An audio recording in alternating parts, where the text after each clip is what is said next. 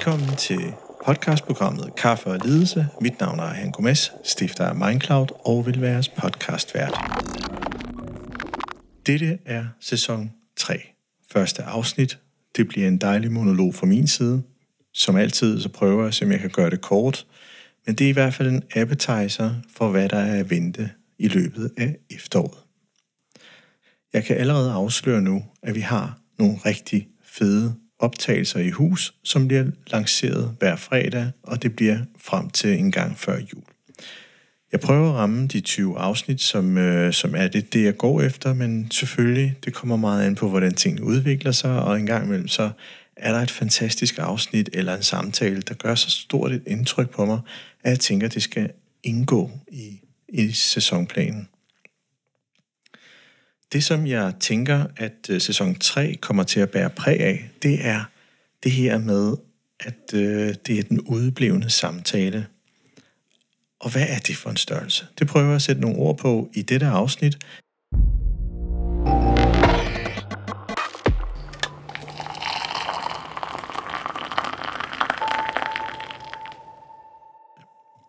Inden vi går i gang med temaet, så er det lige også lige et øjeblik at dvæle ved øh, selve kaffen, teen, et glas vand.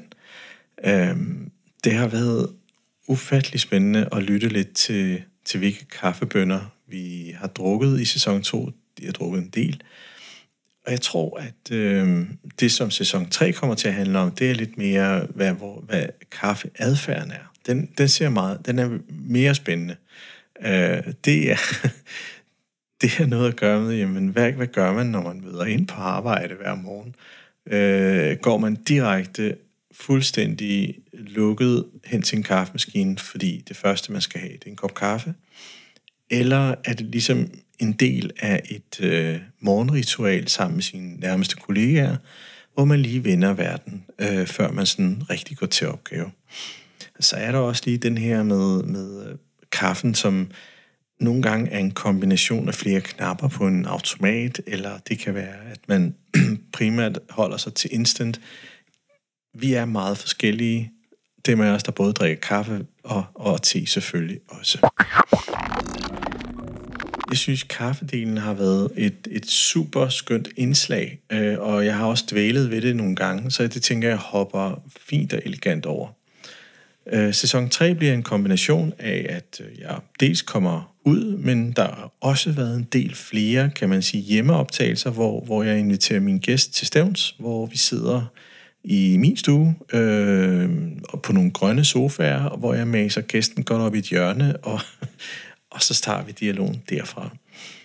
At det bliver sådan en eller anden fortælling om øh, rejsen, øh, køreturen til stævns, og som som I nok har hørt i tidligere afsnit, så har der været mange, mange versioner af, hvordan man ligesom er kommet frem.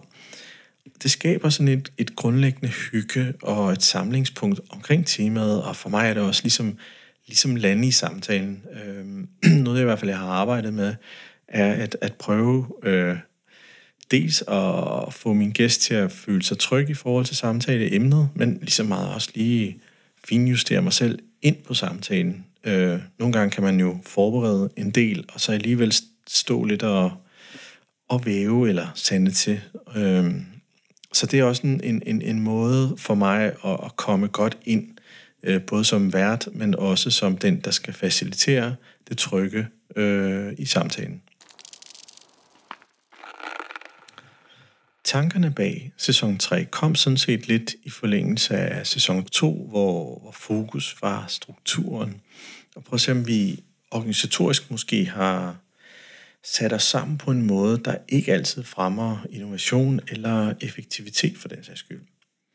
Øh, præmissen for dette program er, at strukturen i det offentlige øh, eller offentlige forvaltning ikke er en holdbar størrelse.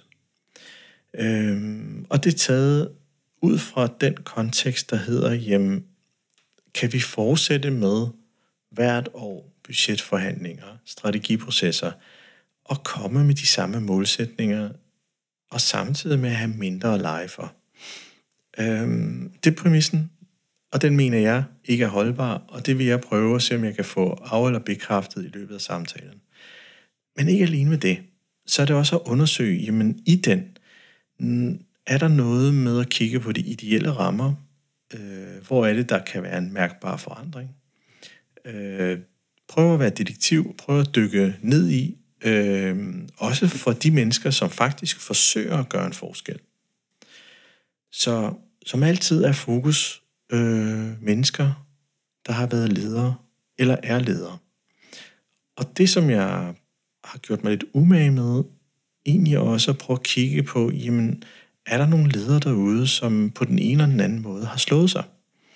Øh, I forsøget på at gøre en forskel, i forsøget på at forandre måske et ret stort tankeskib, øh, fordi visionen er der, fordi innovationslysten er der, men, men det her med at kunne forankre det i noget, som er måske tungt, noget, der er traditionelt tænkende, måske til dels meget konservativ i måden at tilgå nye ting på, gør jo, at vi mennesker til sydenheden en gang imellem slår os og finder nye veje at gå.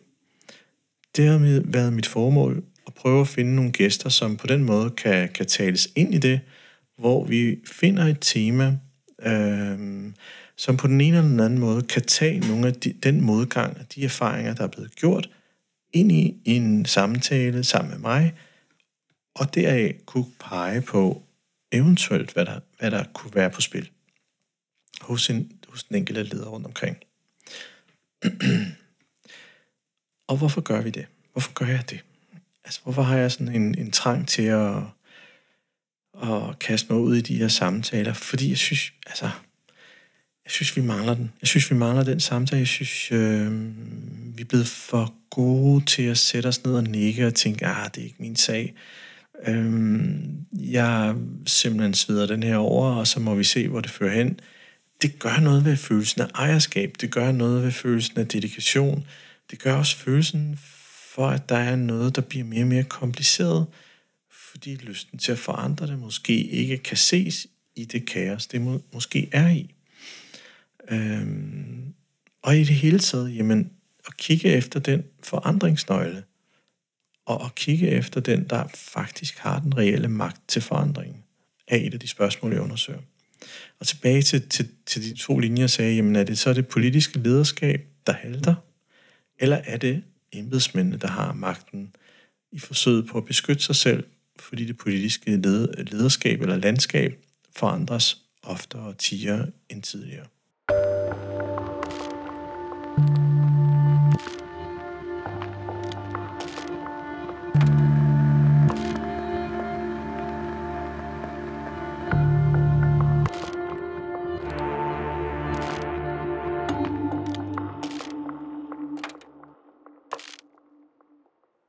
Så er der også det her med, at øh, det er jo ikke alle, der tillader en ny forandring. Det kan være fordi, at man argumenterer sig ud i forhold til økonomien, øh, med det argument, der hedder, jamen det har vi simpelthen ikke midler nok til. Og jeg spørger mig selv, jamen er det ikke en forsimplet måde at afslå på? Ja, selvfølgelig skal pengene række. Men nogle gange så lukker det også samtalen omkring sig selv om det, som også kunne forandres. Det kan være mindset, det er at kigge lidt på kultur, det er det der øh, den enkeltes forestillingsevne og lykønske decentrale, kan man sige, idéskabelser, øh, men i det hele taget bringe mennesket mere ind i det offentlige. Ja, så fik jeg lige et, øh, et glas vand i stedet for en kop kaffe den her gang. Mm, der er noget af det der med at drikke kaffen, og så tørrer man nærmest helt ud i svældet, og ja, så, tager det altid godt lige med et glas vand. Men helt særligt, og for første gang, så vil jeg også gerne løfte sløret for, hvilke temaer, der sådan set er på spil.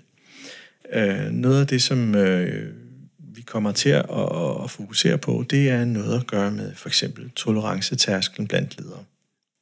Vi kommer til at tale om det at kunne lytte og lytte opmærksomt. Vi kigger på integritet i ledelse. Vi undersøger øh, de forskellige hierarkier og evnen til at være fremadsynet og måske imod en lille smule mainstream. Vi kigger på sociale mediers betydning for ledelse. Vi kigger på folkeskolen. vi kigger på det her med, at embedsværket kan være politisk neutralt. Øhm, og mange, mange flere emner.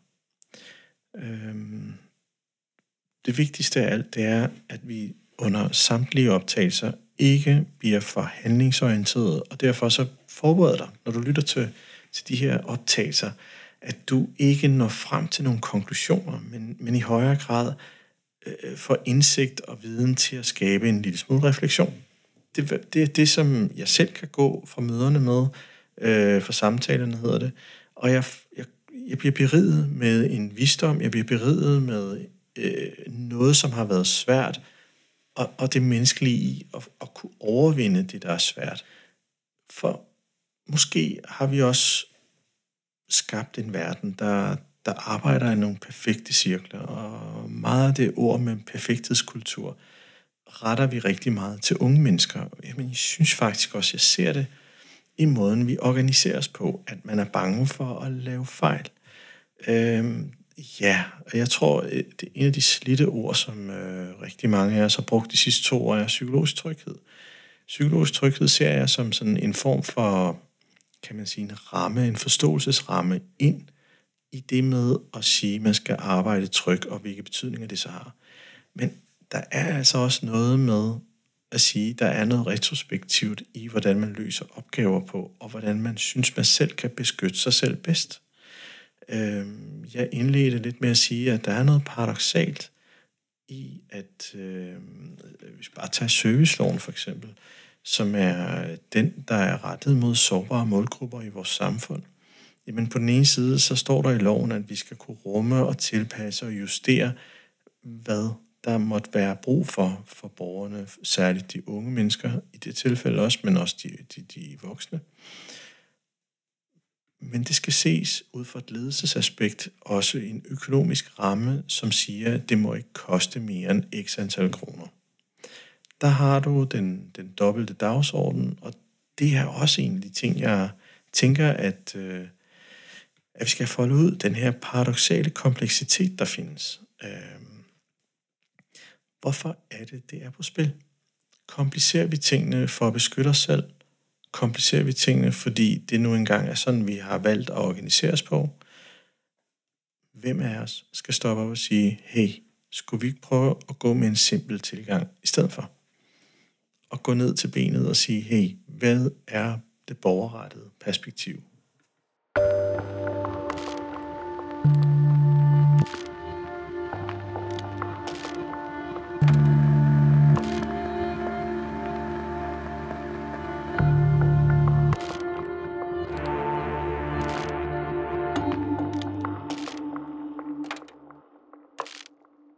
Det bliver tankevækkende, det bliver provokerende, og det bliver, jeg vil gøre det at udfordre normen, stille de svære spørgsmål, udforske nogle af de absurditeter, der er i det danske lederskab. Øhm, og jeg havde ikke planlagt, at jeg ville sige det her, men nu siger jeg det så alligevel.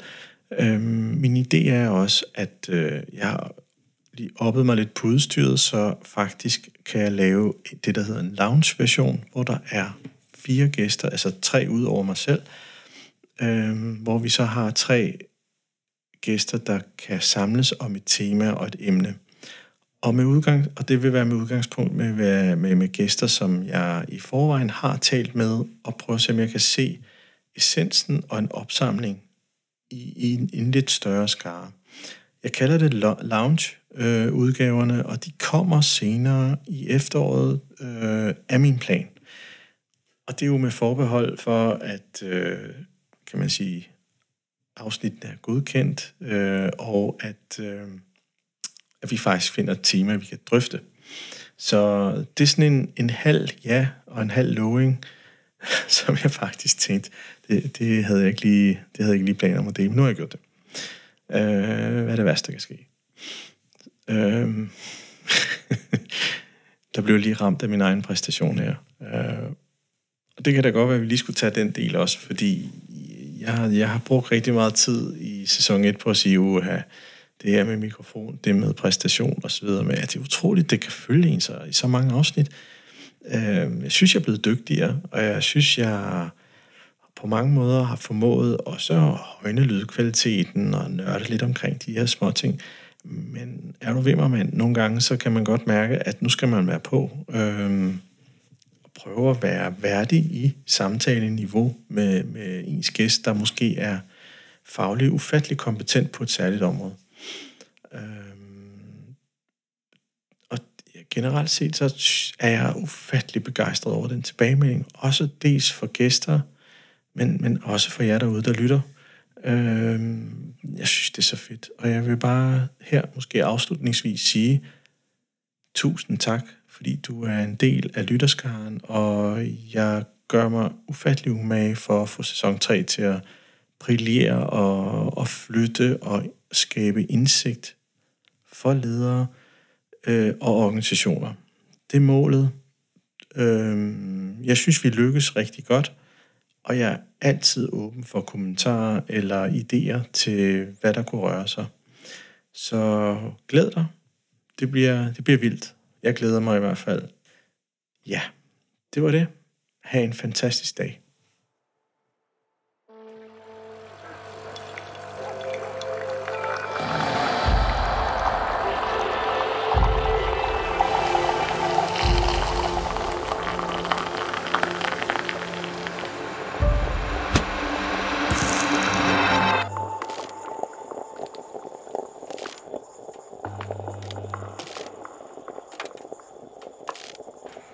Lyttet til podcastprogrammet Kaffe og Ledelse. Ønsker du at lytte til flere afsnit? Gå ind på mindcloud.dk, hvor du har links til flere.